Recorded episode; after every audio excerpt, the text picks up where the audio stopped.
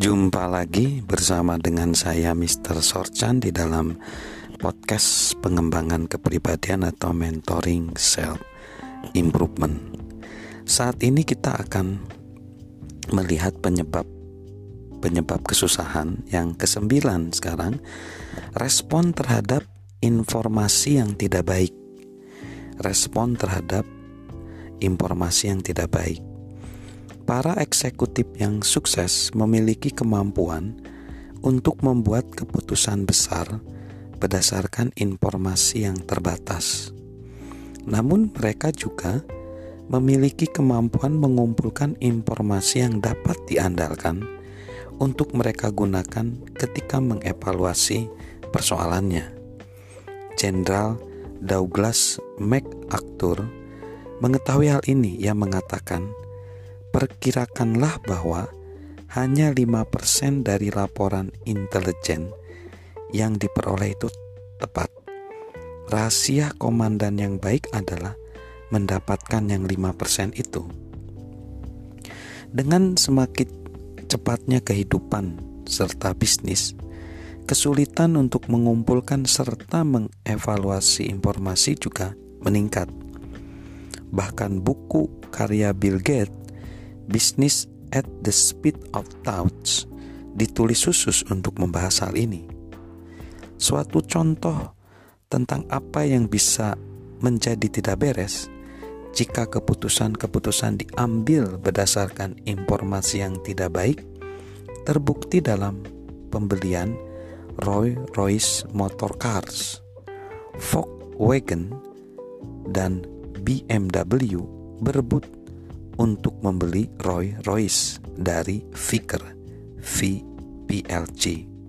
Volkswagen menang dan membayar 780 juta US dollar untuk perusahaan pembuat mobil mewah tersebut.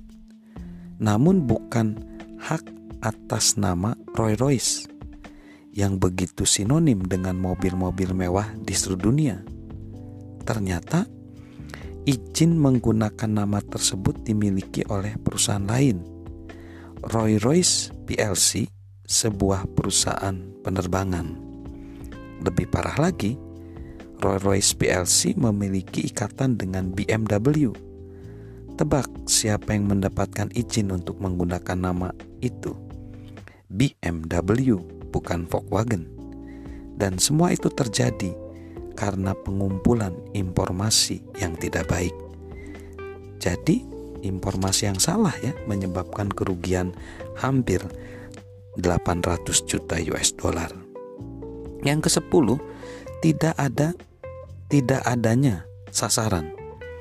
Penyebab utama yang terakhir dari kesusahan atau kegagalan adalah tidak adanya sasaran.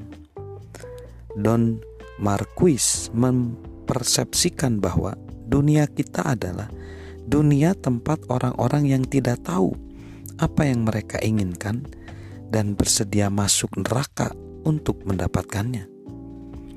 Joel Griffith percaya bahwa sebuah sasaran tidaklah lebih dari suatu impian dengan batas waktu pencapaian. Banyak orang tidak memiliki sasaran karena tidak membiarkan dirinya bermimpi. Akibatnya, mereka tidak memiliki keinginan. Jika kita seperti itu, kita harus menelaah ke dalam diri kita dan berusaha menentukan mengapa kita ada di planet ini. Begitu kita sudah mengetahuinya, kita akan mengetahui sasaran kita.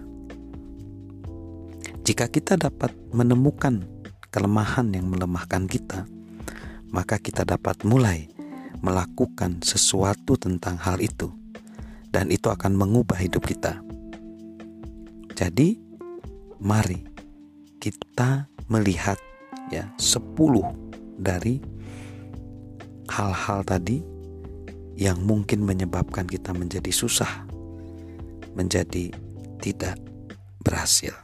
Salam mentoring, salam sukses luar biasa dari saya Mr. Sorchan.